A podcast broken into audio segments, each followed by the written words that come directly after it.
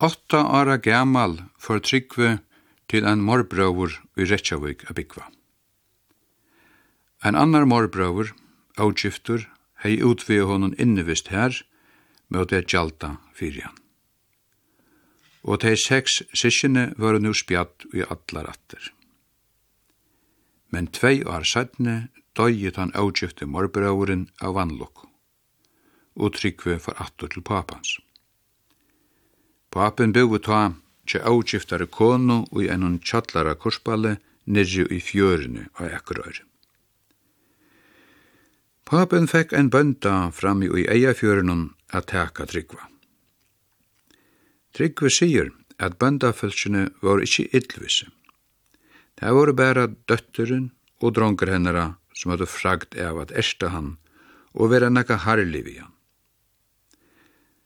Men bøndafalsene kravde negv arbeid av som tuttjara gamla drønge. Frulötur var ongar.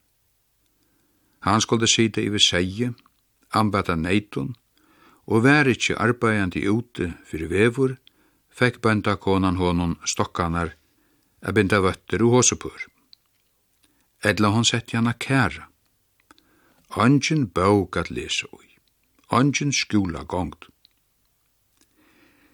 Men vest av öllum var svongten. Som vanlet vær tå av døvun, skamta i husmauren alla mæten. Og ångandu fekk han seg metta. Ångandu tordi han a bia meira. Bønden tala i vatla et år til hansara, og hinn gamla tåg upp i sema. Hvor det dævur i luivi hennara, var ønske utan at teka upp i sema somu setningarnar til sama arbeid, somu årene til somu hendingarnar. Kjensler komu ongandu til skjöndar. Ongandu et år som talaði til det vikvema i badnana, etla det spyrjande, etla det huflokta. Hese falskjene vore styrna og i einan hørun bardeia fyrir til dagliga breiun lantjei til arbeid. Løvtara hekk i grasnalen som sjålen skulle få a sprette ur moldene, hverja fyrta fyrra sumra. Ta i Tryggvi hei veri her ui trui år gjørdi han av a rujma. Han vildi attur til papans at vera. Og til gong og fauran. Og i skamdenon om havetur. Det måtte genga som det tjekk. Ta notten kom, kreip han inn under et hedle ledjas. Her sjåna han. Og her fann husbønden han. Men grannen hei se han færa oman fyrir gæranar og løsingen. Han boa i papan og fra. Og papen kom. Sette han attan fyrir seg på hesten. Tala i ikkje et år til bøndans. Lagna var færen illa vitt heim og bavun, sjøne mamman døye fra dem. Men nu gjør det her av at vera saman. Papen fekk a lyd i Gjærabrug, fremst i Øksna Dalen, beint vestan fyrir Eiafjøren. Tan avgifta konan kom vitt heim. Og her baldest Tryggve, det komandi årene til han var seidjan. Endurminningar hansara fra hesun arunun gaima sjálfsamar myndir av einari vikvemare badnasal, som nørist og bjúnast, av öllun tói som lífur i naturen. Sjönlet og avsjönlet, fætelit og avfætelit. Av var 1920 for han urattur hesun heimi. Festi seg som huskall av gære vestri i Skagafyrir og menningarlige støvesøyna gjer han ta opp nekka såleis. Jeg var 16 år ta jeg for fra Gile. Skolagångt hei jeg onga finsk. Jeg kjendi ødel seia mark her om leir. Hei jeg lærst vel av eldre rymon, tattun og yrkingun. Og ta jeg til prest, lærdi jeg om tvær heimar utanfyr okkara. Himmir og helvete løyti og anki anna hei lart. Öll møyni ungling og ar hei i mest liva ute under offnan himle. Jeg lærde at gjeva vegrun og gator, og öllun som spretti ur jørene ta da for a sumra. Høstøyrene var fylgisneidar møynir, seginir, hesterin, kikvin og gaidunar. Og så tujin driva, Hon hei eina særstøv. Jeg tåsa i eisne vi fuklanar. Her hei jeg mina åhærara fjöld. Jeg les munar ischingar fyrir tæmun. Og så var musnar, fruunar og allsins kikt som jeg tåg upp i leggvan, skoaie og undra i stå. Eit baden væri, heime alle og faviskot. Ongandu i hei seg ein målning, malajan av manna hondun. Ongandu i hors tónleik eller kórsong, eller seg et ljófer. Utan eina fyr eit pinku orgul tja fresunar herinun av ekkurör. Nær for i a et sjónleikare hús, eller kvikmyndir. Ta ljóa i et slukt vær til og i hópa tali ut i stóra heimunum. Men tann heimurinn vær så lengt fra bøgøren og agile. Men som jeg langt hava sagt fra, så ondtes mer at sudja ein håp av listaverkon, av himli og av jør.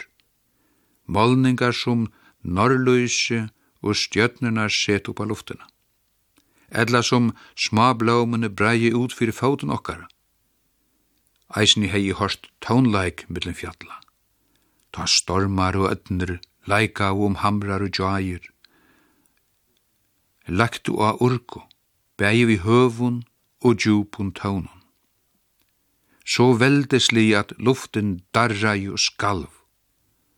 Og så æra tøyr av arnun, bæurist mer indesli ljau fyrir øyru. Ta i leimi at lust etter låtunun, som lagte sær med en havvaksen grøs og birkirunnar og underspæle fra det skvattlande åharløkjennom. Jeg har hørt at til var menn som hadde finnst gavur fram om andre folk. Til dømes menn som dodde at høgge ur gråte til at der høttu at sia falskje. Og slujtje menn var taldur i at vi sjolvan skaparan. Men jeg hei omgant og se et slukt verk. Ter høgge myndir som dagliga bærust mer fyrir eiu. Ter voru høgtar i klettar og kneisar. Og ter var veggre som ei høgtar. Edla hattu frosti og rennande vatni høgtar og i joair og jautur. Ter er helst bær vimmar ur hesson heimi. Ter voru tei bjørst og minnene Tei varu til eit ljós a leine i nu for a geng. Hese ljósene liva av somu lufs orku som sjolt huar fære nøyre seg vi. Og tei sløkna ongandu. Leien han for a genga var arbeid innan arbeidarrøslana og samtugis ein avsliten bardegi vi fataka dømi og sjuk ein lei og krevur ljós som ongandi sløkna. Sjæri fimm ara gamal tjevur mevren út fyrstu bóksøyna. Endur minningarnar. Så vitt kunnu ta fyrsta og kjemur upp a prent etter hann. Úslenskir ummælarar hefa sammett hann vi Maxim Korki. Hetta man vera ein dømi i bókmenta sögu om allan heim. Jeg sett av einare mestovo vi eial gøtene av Ekerøyre, og boi jeg etter bussonon og skulle flyta med norr av Siglefjøren. Det har tidsist som at ein pastor av falskjonon hever minni av penig om hente enn negv hev og heim og i fyrjun i det. Her sas negv falk som arbeider kroppslitt arbeid, og det sluta klægene vel, har han det kastet det fra seg. Og i kranbøvnen var du ikkje teir vøredungane er sudja som du sart i fyrjun i det. Det bor i måte at seta stempel av tjauver. Sige at normen er så og så, daner så og så, bretar så og så. Allsins folk finnast og i ödlun tjauvun. Men det er kjert ikkje bostur at uslendingar heva okkust egi vissar. Tær eru Íslendingar og anki utan Íslendingar. Íslendst mal og Íslendst samrøvevne eru tæmun no mig. Og så kunne vi mete om hvert hetta kjemur av alda longun einsemi og djupun fjalladølun, av einan ovanlige høren lusbardeia, av einar sera sjálfsamare naturu, edle av tui vi kunne råpa uslensko mentanina. I meine vi at tær ensamallir av öllun Norrlanda tjóun varvættu male og slite. At tær hildu fram að skriva norrent mal. Ta lærdir menn um alle Europa, annars skriva á alla tunskum mal. At tær gau okkun tær fotnu bókmentinar og java finnji viri evanleikans. Og at tær framvis halda uppi einan mentunar luivi og i bókmentun og list, og i er uslengst, bostur av. Ta man tó vera hetta seinasta fyrst og fremst og i hefur gjørst tær som der er. Iver høver hefa tær meiru og minni og i viffere ta du kjemur at talvitar. Tær taumotonunar er ikkje så negvar. Og te er hetta viffere sjálvandi – og gjer tar til sjálvstøvjar verur. Tar leggja luyti ui a lesi etter vanligun falka si i. Og i stegi fyrir at vera falka leir fyrst og fremst, eru tar til at eru fyrst og fremst. Tidjast okkund hui vanliga ausmatnir, orstaurir og avgjørder ute mellom mann. Tær tosa framvis om andan i mannen. Og tær tåsa og skriva om salena, som ærer tåsa og skriva om kroppen. Tær etkjenner framvis uslenskan lesna, til dømes i endurminningun etla ettermælun, er tær luisa mannen simenneslige. Tær tidsast framvis leggja dent av simenningina tja mannenun, meire enn av peningamappuna, etla og gussi høgt han kom opp i samfélagsstian. Men røyner tøyen så alls ikkje vitt her. Jeg sæt og hugsa i om de imiske gistingarhusene jeg veri av. Av eilstøvun og av leikaskolanum. Gentunar i herjink og gestunum til handa vore bygdasligar, vildi vidsagt stillar og smatnar og få årajar.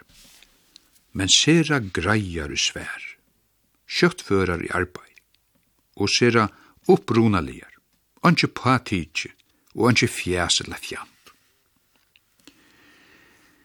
Vi mi vatn lea og tær seg meira etter utlesku gestunum.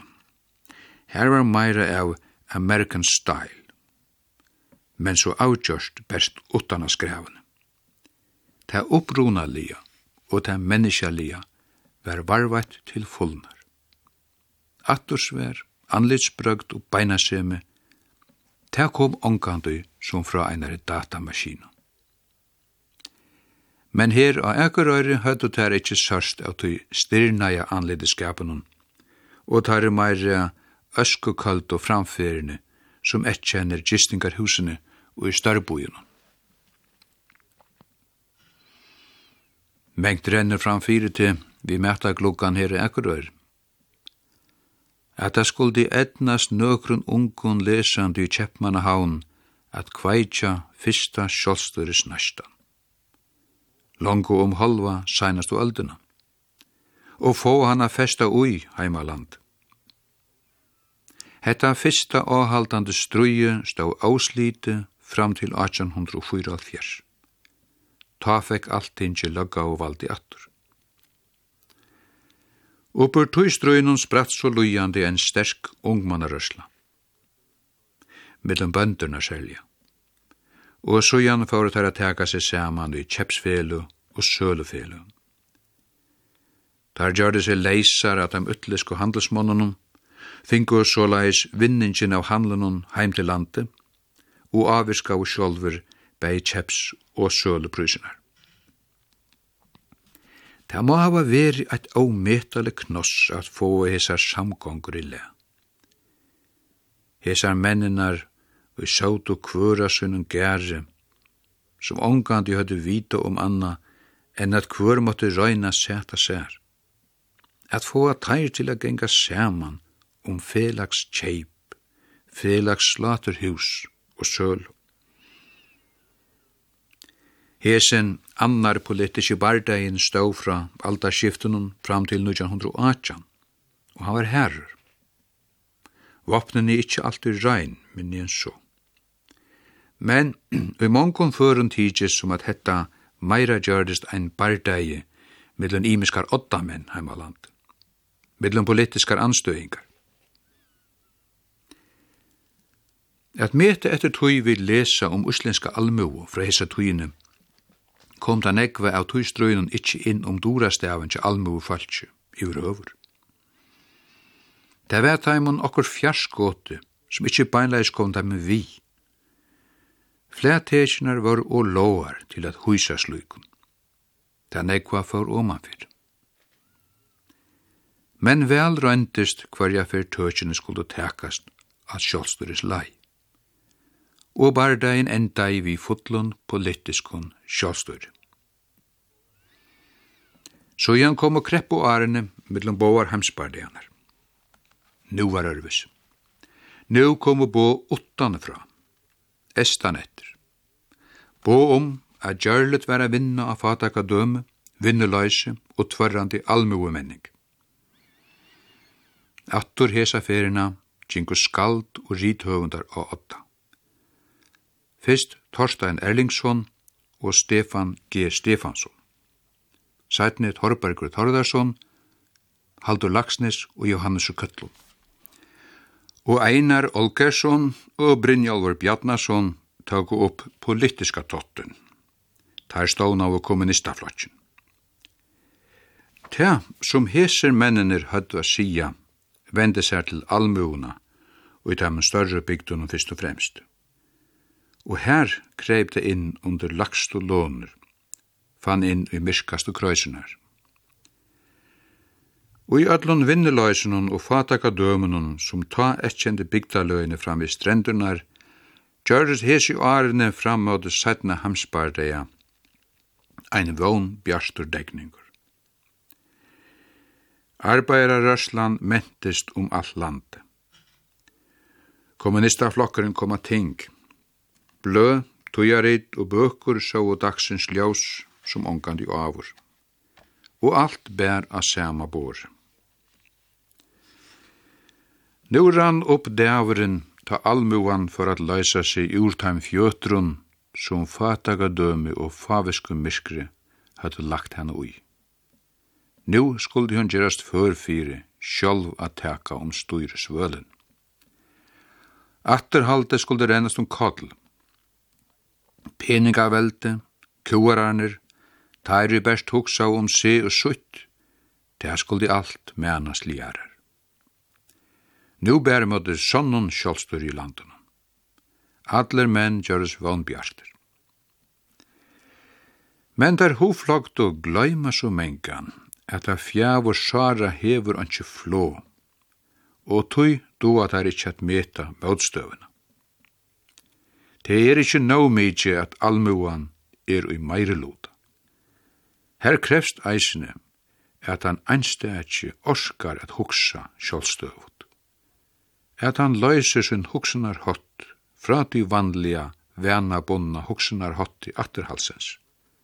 At han ikkje leder seg rea. Kvørst av høttanun om at missa arbeid og i hesson løyvunum, edla om evja glætan ut i nastu og kanska ræver fyrst og fremst om at han røyner at venja seg til hva fellesskaperen krever av etterlæti og skilningi tja de ønsteka, skulle alle dreja eina løgna.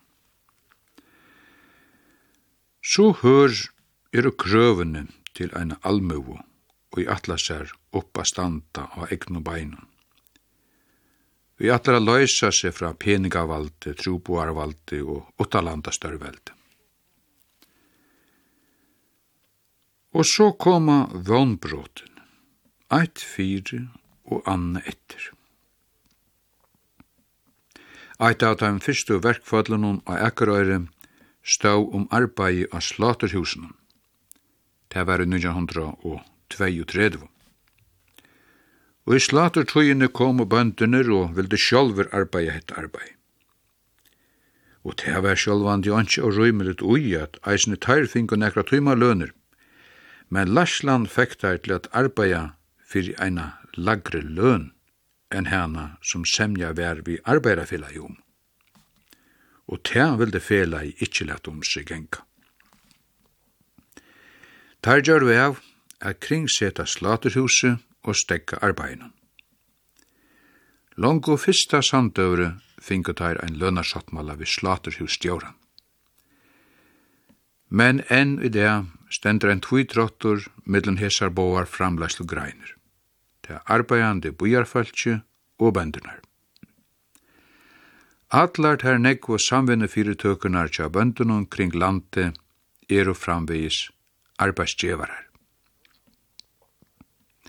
Ta kommunistaflokkren var stånaur for arbeidarfelag av ekerøy utvinningar som nevnt, og pastapolitikkur kom opp hui.